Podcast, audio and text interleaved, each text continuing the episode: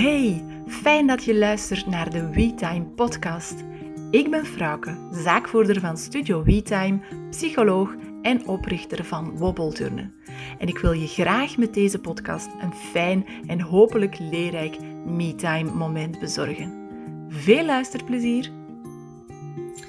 Afgelopen zomer las ik op uh, Facebook of Instagram een uh, post van iemand die zei Jee, het is uh, mooi weer, de ramen kunnen weer open, de buren kunnen meegenieten van mijn luidruchtige opvoedingsstijl. En ik vond die wel best grappig uh, en tegelijkertijd ook wel heel herkenbaar, omdat ik, uh, ik denk dat veel ouders het wel zullen herkennen. kinderen soms het beste in ons naar boven halen, maar soms ook het ja, slechtste, kan ik misschien niet zeggen, maar toch ook mindere kantjes. Hè. Ze, ze weten soms onze pijnpunten te vinden of onze blauwe plekken, zeg maar, uh, in te drukken. Waardoor dat we ja, soms eens uit ons dak gaan of beginnen roepen en dat we dan misschien achteraf denken van, oh, ja, damn, had dit wel nodig geweest? Of ons misschien soms wel schuldig voelen van, oh, ik heb geroepen of ik, ik heb mijn kalmte niet kunnen bewaren.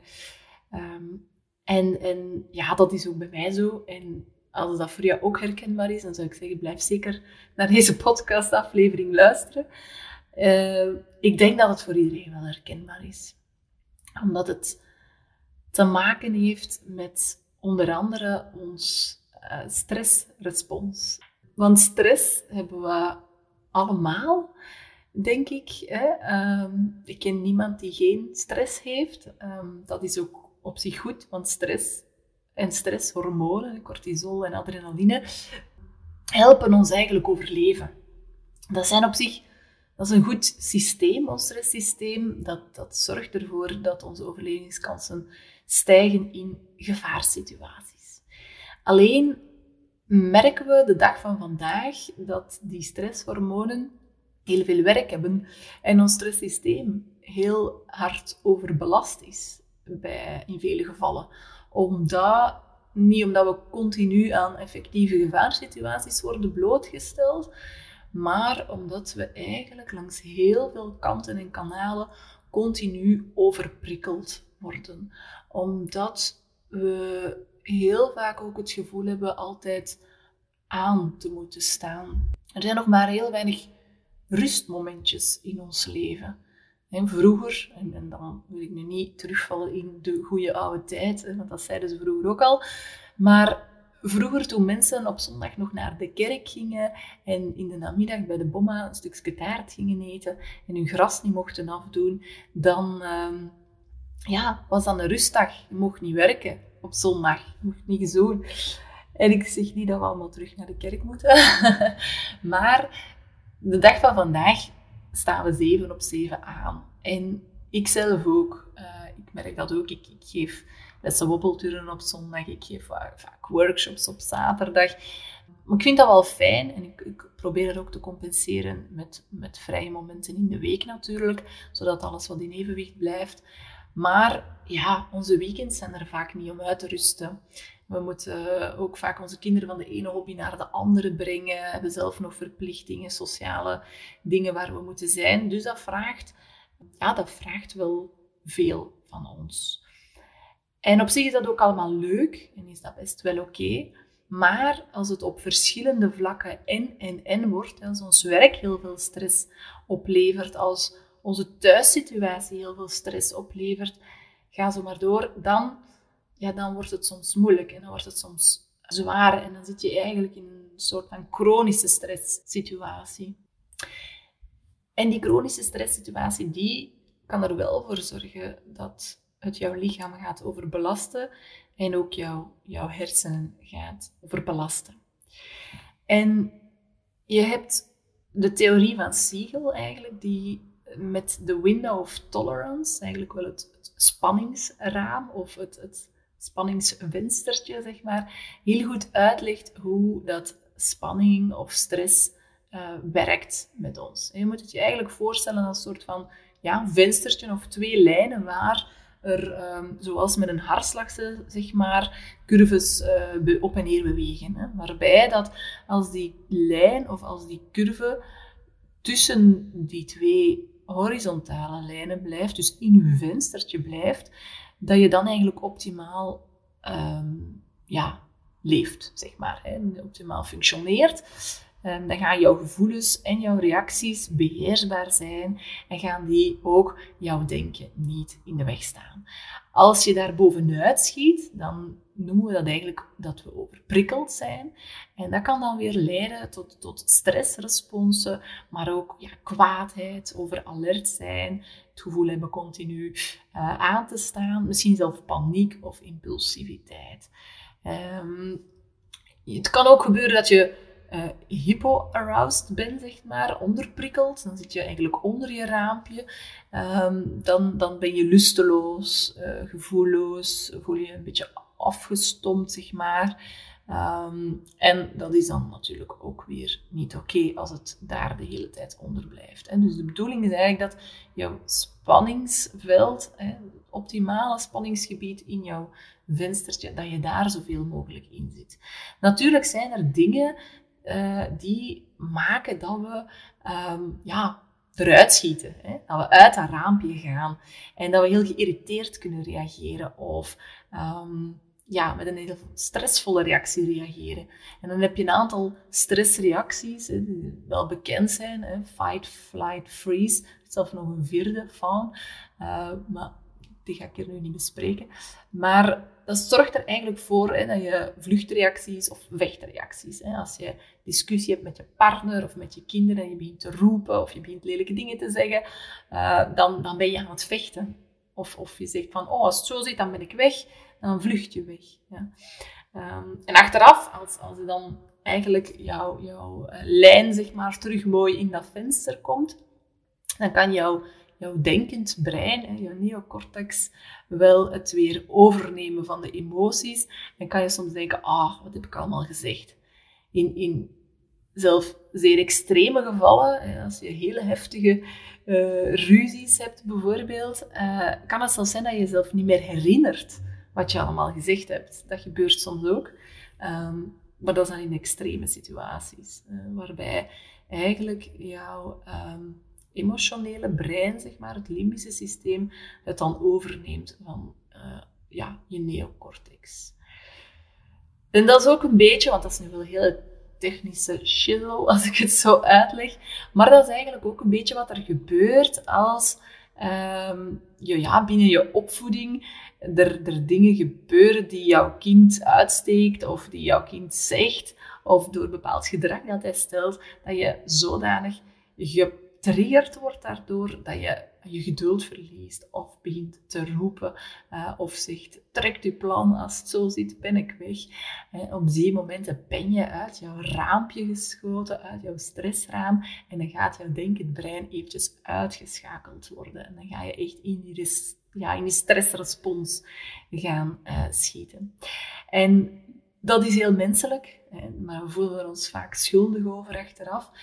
Ehm, en schuld geeft dan ook terug stress. Dus we maken dan de cirkel rond op die manier. Maar het kan wel helpen om voor jezelf te gaan kijken van oké, wat zorgt er juist voor dat ik uit dat stressraam schiet?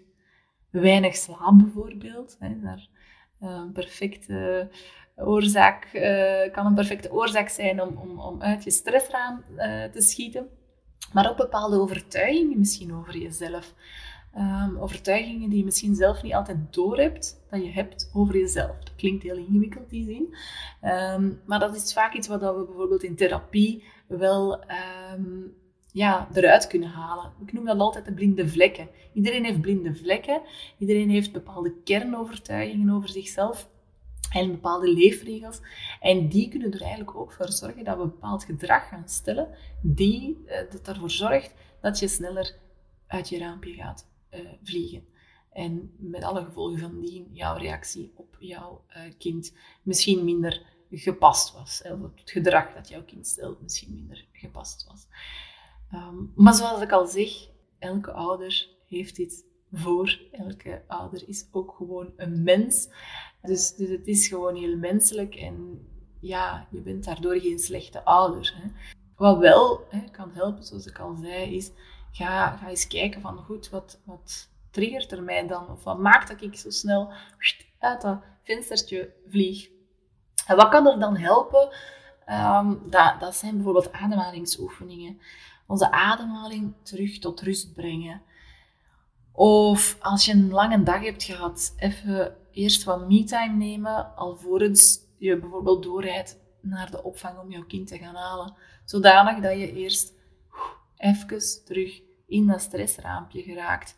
En er niet half buiten hangend jouw kinderen moet gaan halen, die dan ook zelf misschien op die moment ook uit hun stressraampje zitten. Want die, die window of tolerance, waar we het over hebben, dat hebben kinderen ook. Kinderen hebben ook zo'n raampje. En heel vaak zullen zij op school of in de kinderopvang enorm geprikkeld worden, in positieve zin, hè, dingen bijleren, maar ook soms overprikkeld uh, worden. Ik weet niet of je al een keer in een, uh, een rifter of een eetzaal geweest bent, uh, of op een speelplaats, als het volle bak speeltijd is. Ja, het is niet dat het daar heel rustig is. Hè? Dat, kinderen krijgen heel veel prikkels binnen. Kinderen gaan ook vaak een hele dag proberen binnen de lijntjes te kleuren en eh, letterlijk en figuurlijk. Hè. Um, en zich proberen te gedragen, waardoor dat, dat zoveel energie kost dat ze s'avonds uit haar raampje schieten uh, bij minste trigger um, in een veilige omgeving van thuis. En uh, met alle gevolgen van die, dat eigenlijk elkaar gaat versterken. Jij schiet uit je raam enzovoort. En je gaat dus eigenlijk elkaar daarin gaan, gaan beïnvloeden. Dus kunnen we natuurlijk als volwassenen daar, omdat ons brein, onze neocortex daar al wat beter in ontwikkeld is, ook, ook ja, beter mee omgaan. Een kind kan dan nog veel minder zijn. Neocortex is helemaal nog niet in die mate ontwikkeld dan die van een volwassene. Dus uh, van een kind kunnen we natuurlijk minder verwachten dat hij daar, daar ja, goed mee kan omgaan. En dan is het onze taak als volwassenen om dat een stukje mee te gaan co-reguleren. Om er voor ons kind te zijn en die emoties die hij of zij dan ervaart, mee te kunnen opvangen en te gaan benoemen. En dat lukt natuurlijk het beste als je zelf binnen je raampje bent. Want dan kan die neocortex, ons denkend systeem in ons brein, ons daarbij helpen. Als we zelf uit ons raampje zijn, ja, dan is dat moeilijk. En dat zijn de momenten waar je misschien niet altijd pedagogisch volgens het boekje uh, handelt. Hè? En wat ook dan normaal is, zeg maar, dat je dat dan op die momenten niet kan. Ehm, wat we bijvoorbeeld zien is dat bijvoorbeeld het smartphonegebruik. Een smartphone is een geweldige uitvinding, maar het is ook heel verslavend en bezorgt ons heel veel prikkels. Het constante getuut of gepiep van berichtjes en mails die binnenkomen, eh, de fear of missing out op social media. Ehm, de, de, de soms perfecte beeldjes, uh, die, die we, de perfecte plaatjes die we zien passeren, dat zorgt eigenlijk voor continu prikkels en dat maakt eigenlijk dat voor veel mensen dat ook een stressbron is. En dat kan dus ook voor jou zijn dat dat maakt dat je daardoor ja, buiten jouw raampje fungeert. Um, en dan kan het ja, beter zijn om, om die smartphone wat langer weg te leggen, bijvoorbeeld. Maar ook um, berichten van de media negatieve berichten over, over oorlog, maar ook over ja, de economie of de angstinducerende berichten eh, die er vaak in zitten, die zorgen ook voor stress. Dus ga ook soms kijken van hoe kan ik mij daar een stukje tegen beschermen of, of zelf bewust gaan, gaan afschermen. Zeker als je merkt dat dat uh, voor jou leidt tot negatieve gedachten of, of doemdenken over de, over de toekomst. Hè. Um, dan bezorgt dat ja, gewoon extra stress voor jou. En natuurlijk, het ouderschap op zich is, is ook bijzonder stressvol op sommige momenten, omdat je natuurlijk, ja, je moet zorg dragen voor dat kleine wezentje, die, die baby die volledig afhankelijk is van jou, die peuter die ja, ook jou enorm nodig heeft, maar zelf een, een tiener of een puber heeft zijn ouders nodig om, om dingen uh, ja, klaar te spelen. Dus je bent verantwoordelijk en dat is iets dat ook enorm stressvol uh, is. Dus dat mag je ook niet, niet onderschatten. En dat in combinatie met dan ja, tekort aan slaap of, of uh, moeilijk eh, alles geregeld krijgen tussen, tussen de hobby's, het huishouden, de sociale verplichtingen, maakt dat ons dat ook heel veel uh, stress kan geven. Nu is het ook wel zo dat als wij zelf heel onrustig zijn, of zelf buiten dat raampje zijn, hè, of ons brein is niet rustig, dat dat ook besmettelijk kan werken voor ons kind. Hè. Want als we zelf onrustig zijn en buiten ons, ons, onze window of tolerance zijn, dan zullen we ook sneller in conflict gaan met ons kind. Hè. Of dan zal ons kind ook sneller Ehm, zelf minder rustig zijn. En misschien herken je dat wel. Hè? Momenten dat je voelt van, oh, ik moet mij hier al en, en ik ben eigenlijk al overstrest. En net dan gaat ook alles mis. En net dan is er zoveel discussie en doet je kind niet wat je gevraagd hebt. En gaat alles zo traag vooruit. Die momenten. Ik denk dat dat voor veel ouders wel herkenbaar is. Dat zijn ze. We zijn zelf niet rustig, we gaan heel gepikeerd reageren en we besmetten eigenlijk als het ware een beetje op die manier het brein van ons kind met, met degelijk gedrag als gevolg. Ehm, nu stel dat jij perfect in die window of tolerance zit. Het zijn die momentjes hè, waarin dat je voelt van, ik ben in balans, het is allemaal oké, voel me goed, ik kan, ik kan ook goed dingen overdenken, ik kan tegen een stootje. In principe zou dat de meeste tijd van ons leven zo moeten zijn, maar dat is niet altijd het geval. Dan kan jij er ook helemaal zijn voor je kind. En dan kan jij jouw kind, die misschien op die moment uit zijn window of tolerance is, die overstrest is, die overprikkeld thuiskomt, gaan helpen. Gaan helpen met zijn emoties te reguleren, zijn, zijn zelfcontrole en zelfbeheersing te vinden en die vaardigheden te helpen ontwikkelen. Want een kind heeft die zelfcontrolevaardigheden nog niet 100% onder de knie. Dat heeft ook te maken met zijn brein. Hè. Ehm, die neocortex, waar die executieve functies in zitten, ook weer al een, moeilijk woord. Hè. Ehm, maar die executieve functies zorgt er eigenlijk voor, bijvoorbeeld, voor, voor ehm, gedrag te kunnen ontwikkelen te, te onderdrukken, bijvoorbeeld, inhibities. Maar ook gaan plannen, planningsvaardigheden of nadenken over je gedrag. Dat zijn allemaal voorbeelden van executieve functies die kinderen, jonge kinderen nog niet hebben. Zelfs pubers zijn daar nog in volle ontwikkeling. Dus ze hebben jouw hulp nodig. Hè. Als je bijvoorbeeld naar het, de ontwikkeling van het brein gaat kijken, dan ehm, gaat een brein uiteraard beginnen ontwikkelen in de baarmoeder. Maar als jouw kindje geboren wordt, dan gaat eerst die hersenstam um, het eerst ontwikkelen. En de hersenstam is eigenlijk de, de zone in de hersenen die zorgt voor alle zaken die uh, vanzelf gaan. En we moeten daar niet over nadenken. Denk maar aan hartslag, uh, ademhaling zit er ook in, temperatuurregeling. Dus dat is eigenlijk waar onze hersenstam voor verantwoordelijk is. Nadien gaat het limbisch systeem zich ontwikkelen, is ons emotionele brein, en dan pas de neocortex. Ja. En je gaat ook zien dat die hersenstam bijvoorbeeld verantwoordelijk is voor die stressrespons. Um, dus een kindje die heeft honger, krijgt een hongergevoel, dat is een stressprikkel, en die gaat daardoor beginnen huilen. Het limbische systeem, emotionele, uh, en wij gaan moeten zorgen dat we die stressrespons kunnen oplossen. En dus dat die baby gevoed wordt en dat hij terug in zijn window of tolerance is. Dat hij terug oké is. Hè.